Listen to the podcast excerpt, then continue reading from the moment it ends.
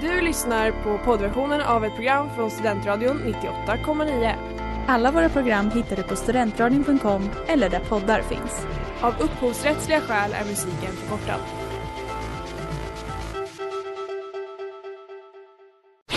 Reklam, reklam. Hej där! Tar du ett sabbatsår? Är du klar med din utbildning i höst? Ta då lite tid för att resa utomlands. Upptäck dig själv med ISEC och arbeta med ett sex veckors volontärprojekt kopplat till hållbarhetsmålen i Afrika. Läs mer på rebrand.ly uppsala 2019.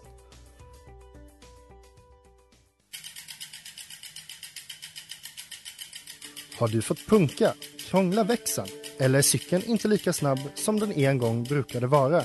Vänd dig då till Leffes cykel, Uppsalas främsta cykelverkstad sedan 1988. Du hittar dem ett stenkast från Ekonomikum på Sibyllegatan 9 i Luthagen och på leffecykel.se.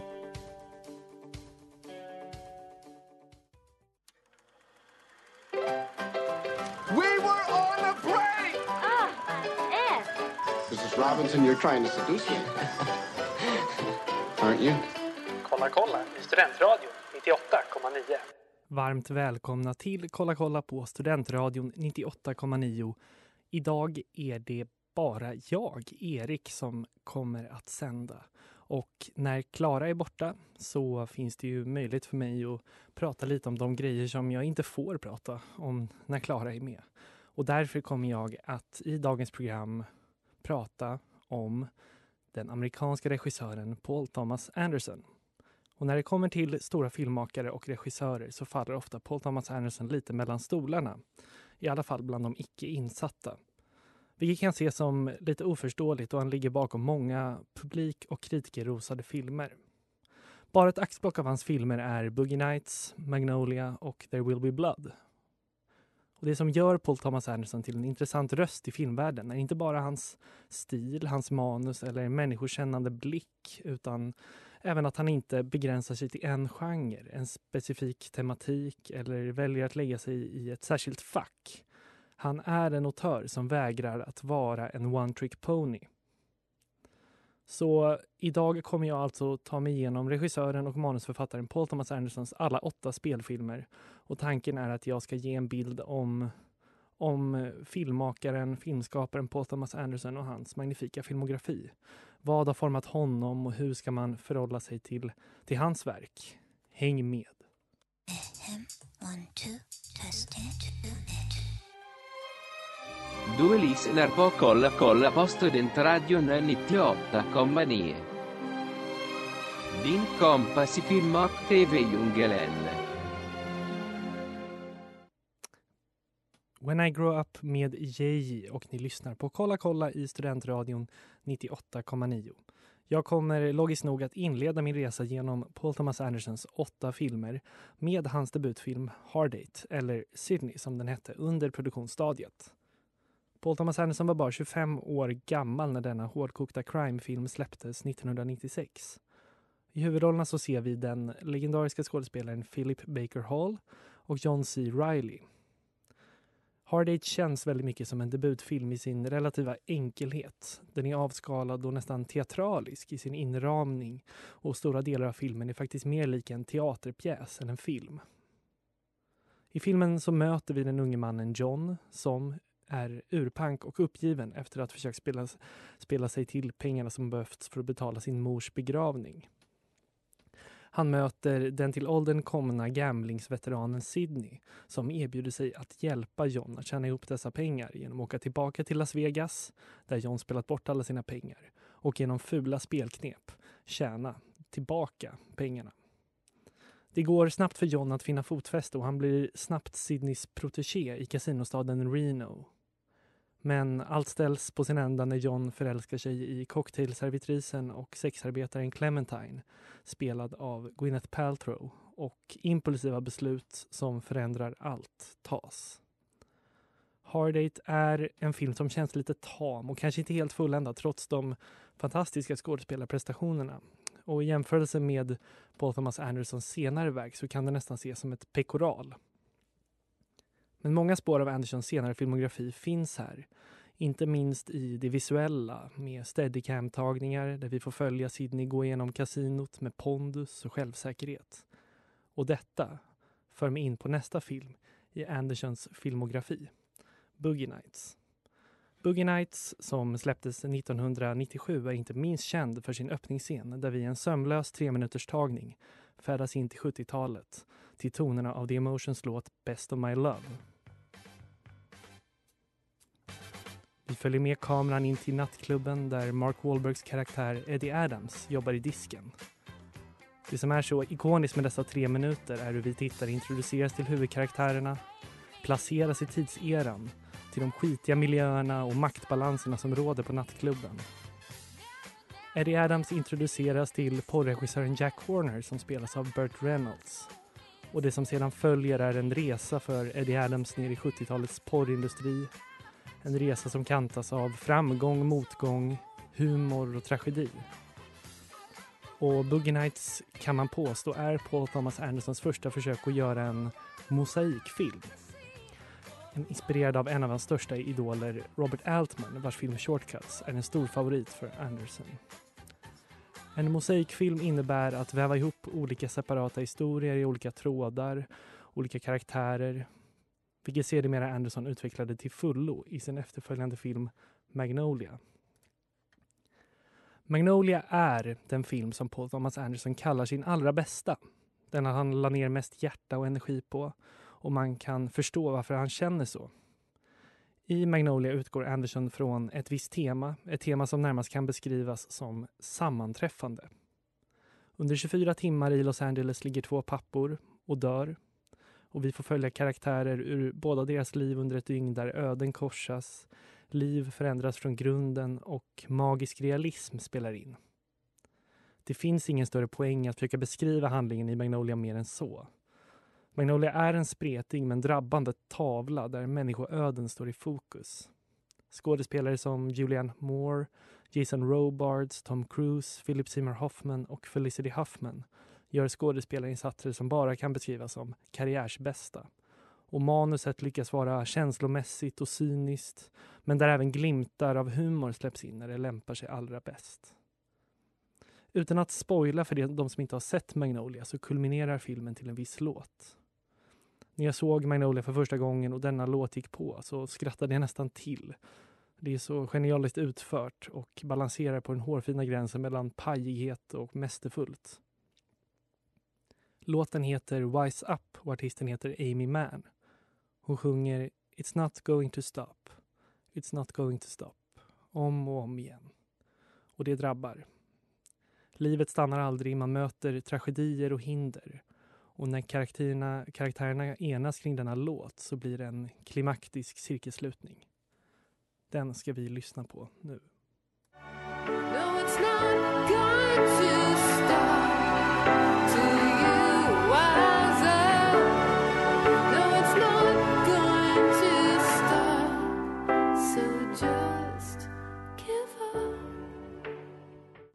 Wise Up med Amy Mann från filmen Magnolia.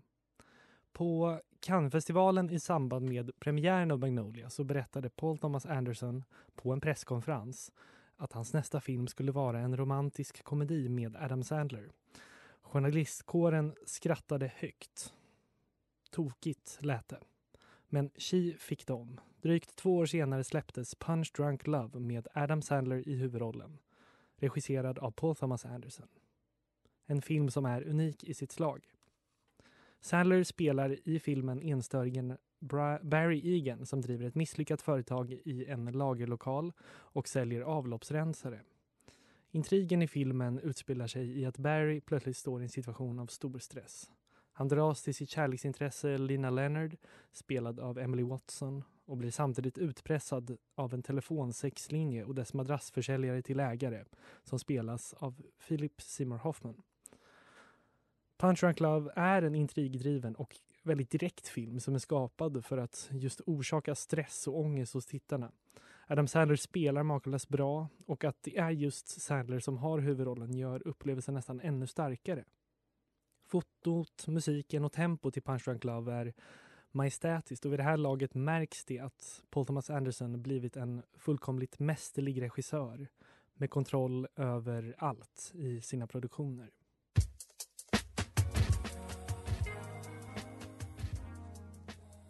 Make the Most med Loner och Her och ni lyssnar på Kolla kolla. Efter Punch Drunk Love dröjde det fem år för nästa film att släppas för Paul Thomas Anderson. Han hamnade i ett writers block och var tom på idéer.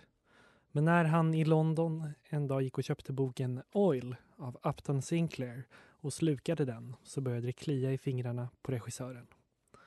Han skrev fort ihop ett filmmanus som var löst baserat på de första 150 sidorna av boken som handlade om den självbyggde oljemiljonären Daniel Plainview som tar sig upp i oljehierarkierna i 1890-talets Kalifornien.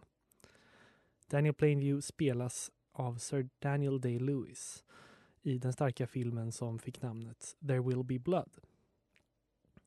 Danny eh, Daniel Day-Lewis vann en Oscar för bästa manliga huvudroll för denna film och filmen vann dessutom en Oscar för bästa filmfoto. Eh, och faktum är att dessa två Oscars förblir två av de tre Oscars som har vunnits för Paul Thomas Andersons filmer. 25 nomineringar har han eh, tilldelats genom åren, men bara tre har han vunnit. Danny Day-Lewis prestation i huvudrollen i There Will Be Blood är en av tidernas bästa prestationer. Det går inte att förneka. Och dessutom påbörjade There Will Be Blood en ännu fortgående trend av period pieces, eller om man vill historiska draman, för Paul Thomas Anderson. Och det för mig in på nästa film i hans filmografi, The Master. The Master som släpptes 2012 är också den ett historiskt drama, utan att vara baserad på en sann historia. I huvudrollen så ser vi Joaquin Phoenix som spelar den eh, från andra världskriget nyss hemkomna Freddie Quell som dras till en scientologiliknande rörelse som leds av Lancaster Hobbs spelad av Paul Thomas Anderson-favoriten Philip Seymour Hoffman. Filmen är likt Andersons senaste filmer en karaktärsstudie och Phoenix, Phoenix lägger sitt hjärta och själ i rollprestationen som Freddie Quell. Ofta är hans ansikte i The Master ihopknutet som en stängd knytnäve och det är när greppet på knytnäven öppnas som vår portal in till karaktären Freddy Quell öppnas. Faktum är dessutom att Phoenix med The Master återträdde in till skådespeleriet efter ett par års frånvaro.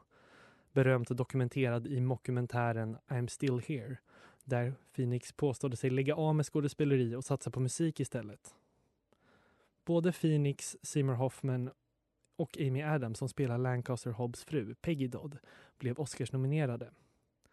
Det blev dessutom Philip Seymour Hoffmans sista Oscarsnominering och sista samarbete med den bästa vännen Paul Thomas Anderson. Mindre än ett år efter Oscarsgalan hittades Hoffman död i sin lägenhet efter att ha överdoserat på både receptbelagda och icke receptbelagda droger. Han spelade inte, i mindre, inte mindre än fem av de sex filmer som Anderson hade hunnit göra innan Hoffmans död. Och i dessa filmer är hans prestationer bland de mest minnesvärda i filmen. Paul Thomas Anderson eh, sa en tid efter hans död hur, hur han minde deras vänskap och hur han fann Philip Seymour Hoffman redan innan han hade hunnit skriva sin första film. Han säger When I saw him for the first time in Son of a Woman I just knew what true love was. It was the strangest feeling sitting in a movie theater and thinking he's for me and I'm for him. And that was it.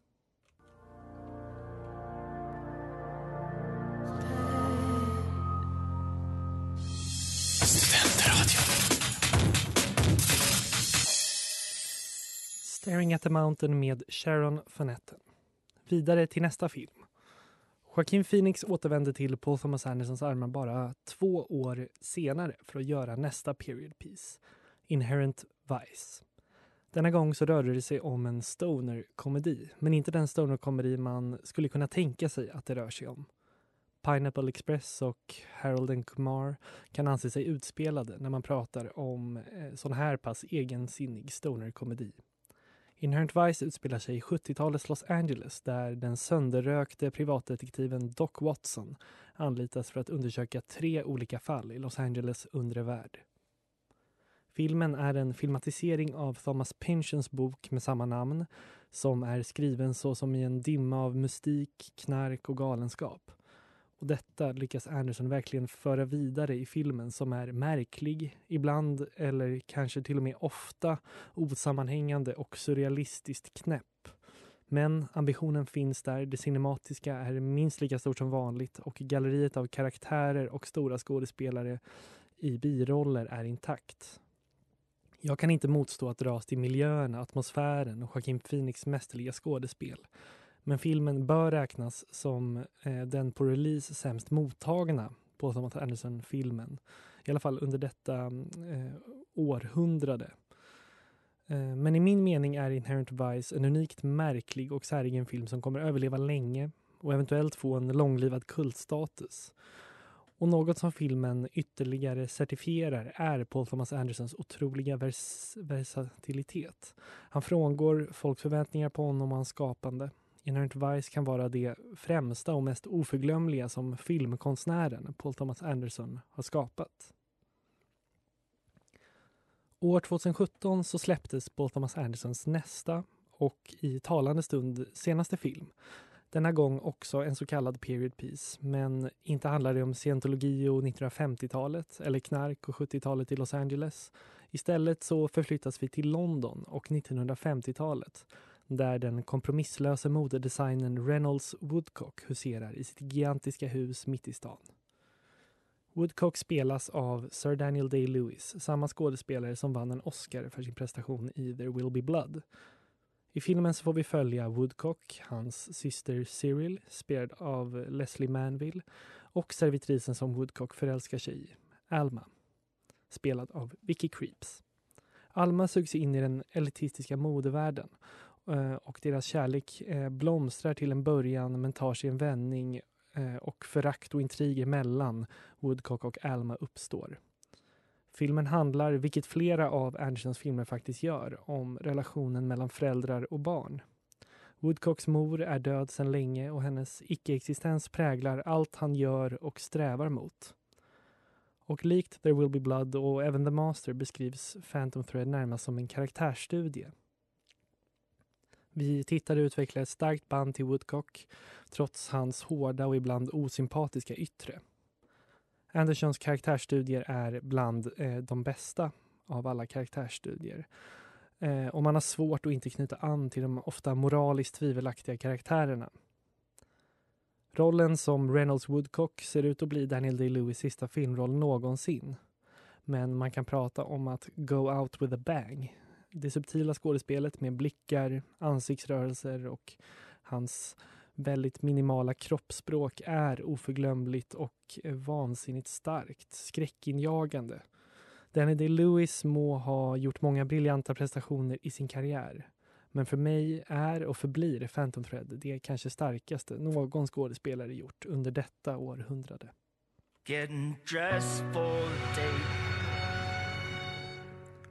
Persona non grata med Bright Eyes. Paul Thomas Anderson har med tiden blivit, det är mycket som har blivit synonymt med honom som filmskapare. Det är bland annat det visuella i långa steadicam-tagningar. Det är återkommande skådespelare och ibland återkommande tematik. Men något som det pratas för lite om, enligt mig, är Paul Thomas Andersons sätt att skriva dialog. Jag vill spela upp en dialogsekvens ur Phantom Thread för att visa på detta. Scenen utspelar sig under en frukost där modedesignern Woodcock sitter och tecknar på en klänning medan hans fru Alma förbereder sin frukost.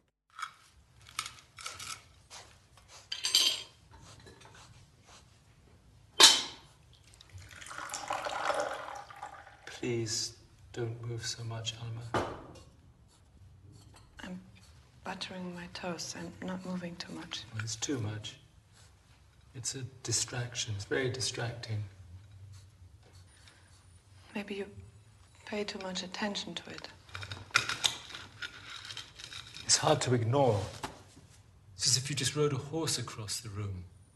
There's too much movement. There's entirely too much movement at breakfast.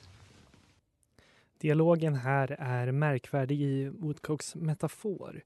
Som när han säger “It's as if you just rode a horse across the room”. En vass och kall replik som i filmen blir det första tecknet på att något skaver mellan dem. Dessa små planterade subtila repliker är Anderson otroligt bra på. Och det utgör dessutom ofta vändpunkter i hans filmer. Givetvis finns det mer ikoniska citat från hans filmer som ur den odödliga slutscenen i There will be blood när Danny DeLewis karaktär till Paul Danos karaktär frustar I drink your milkshake. I drink it up. Men ofta är genialiteten i filmskapande mer subtil än så. Och det är just detta subtila som får mig att inse Paul Thomas Andersons otroliga och inspirerande begåvning. Never Tears Apart med The National. Ni lyssnar på Kolla kolla på Studentradion 98,9. Ofta bär Paul Thomas Anderson sina influenser som en kostym. Han försöker inte att dölja dem. Det är snarare motsatsen som råder. Han vill visa upp dem. Fotot och tematiken är ofta direkt inspirerat från amerikanska regissörer såsom Alfred Hitchcock, Stanley Kubrick, Orson Welles och Martin Scorsese. Men en stor inspiration för Paul Thomas Anderson är den nyligen bortgångne regissören Jonathan Demme som likt Anderson la stor vikt vid att inte begränsa sig till en genre. Något som Paul Thomas Anderson direkt lånat från Jonathan Demme är hans närbilder, eller close-ups. I filmen När lammen tystnar som Jonathan Demme regisserade så ser vi ett tydligt exempel på hur Demme använder detta. När Hannibal Lecter i nästan extrema närbilder tittar in i kameralinsen så blir vi insugna i, i FBI-agenten Clarice Starlings psyke. Det känns som att Lecter stirrar in i oss. Och detta är och förblir ett väldigt effektivt och känsloladdat grepp som inte bara Anderson inspirerats av. Spåren av Jonathan Demme och hans närbilder är nästan en trope numera. Under de senare åren av Jonathan Demis liv innan han gick bort 2017 så blev Anderson och Demi nära vänner. I en intervju efter Demis bortgång så nämnde Anderson att han, eh, när han stöter på problem eller måste ta ett avgörande beslut i sitt filmskapande, ofta frågar sig själv What would Jonathan Demi do? En annan stor inspiration som yttrar sig på senare år främst är Stanley Kubrick. När jag tittar på Phantom Thread så tänker jag på en specifik lång tagning. När huvudpersonen Reynolds Woodcock och hans fru Alma befinner sig på en stor fest. Woodcock är på läktaren på övervåningen och ser Alma i mitten av festen. Vi följer Woodcock som går nerför trappen och tränger sig fram genom folkmängden för att hitta Alma. Han drar undan henne åt sidan och de står i en lång obruten sekvens och iakttar varandra. Det är ordlöst och bara den vackra musiken hörs. Vi ser sorgen i deras blickar. Något är förlorat men varken vi eller de förstår riktigt vad. Scenen påminner rent tonmässigt om en scen i Stanley Kubricks The Shining. I The Shining när Jack Torrance, huvudpersonen, börjar tappa fattningen om verkligheten så går han in till den vanligtvis tomma festsalen eftersom det bara är han, hans fru och deras son som är på det stora hotellet. Men festsalen är fylld av folk. Vi förstår att det inte är verklighet vi kollar på. Scenen är drömsk och nästan svävande och i verkligheten är det bara Jack Torrance och hans demoner som är i rummet.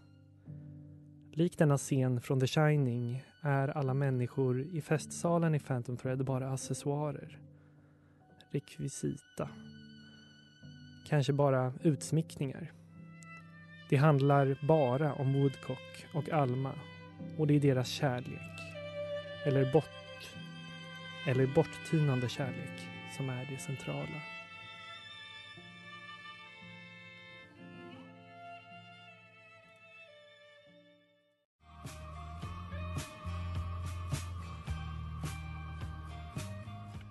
Där hörde vi Shampoo Bottles med Peach Pit och ni lyssnar på Kolla kolla på Studentradion 98,9.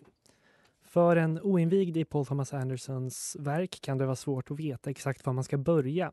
Och därför tänkte jag nu agera den kompass i film och tv-djungeln som jag, eller vi, påstår oss vara. För mig började min resa ner i Paul Thomas Anderson kaninhålet med Boogie Nights. En förvisso lång film men oerhört fängslande är den. Precis som i Magnolia är persongalleriet beundransvärt och ambitiöst och människoödena är drabbande. Dessutom får vi se otroligt fina 70-talsmiljöer från Los Angeles. Vi får höra det otroliga soundtracket. I fem ord så är Boogie Nights rolig, skitig, intensiv, konstig och underbar. Min nästa tips efter man har sett Boogie Nights är också kanske min favoritfilm ur hela Paul Thomas Andersons artilleri av toppenfilmer. Det är den skruvade romantiska stresskomedin Punch Drunk Love. Nu när Adam Sandler får en slags renässans genom Uncut Gems kan det för några kanske vara kul att söka upp hans allra bästa skådesprestation som Barry Egan i denna pulshöjande originella film. Den är relativt kort, den är ständigt intressant, ständigt intensiv, också fruktansvärt traumatisk i perioder. Men återigen ett oförglömligt mästerverk som bör räknas som en av Paul Thomas Andersons absolut finaste filmer. Efter det så kan man ta allt i den ordning man, man känner för. Men det är en guldgruva att dyka ner i Paul Thomas Andersons filmer. Jag hoppas att detta varit intressant att lyssna på för eh, Paul Thomas Anderson-entusiaster och icke Paul Thomas Anderson-entusiaster. Tack för att ni stått ut med mig idag. Nästa vecka är förhoppningsvis Klara tillbaka och ordningen återställd. Vi hörs då. Glad påsk. Ha det fint. Du har lyssnat på poddversion av ett program från Studentradion 98,9. Alla våra program hittar du på studentradion.com eller där poddar finns. Och kom ihåg, att lyssna fritt är stort, att lyssna rätt är större.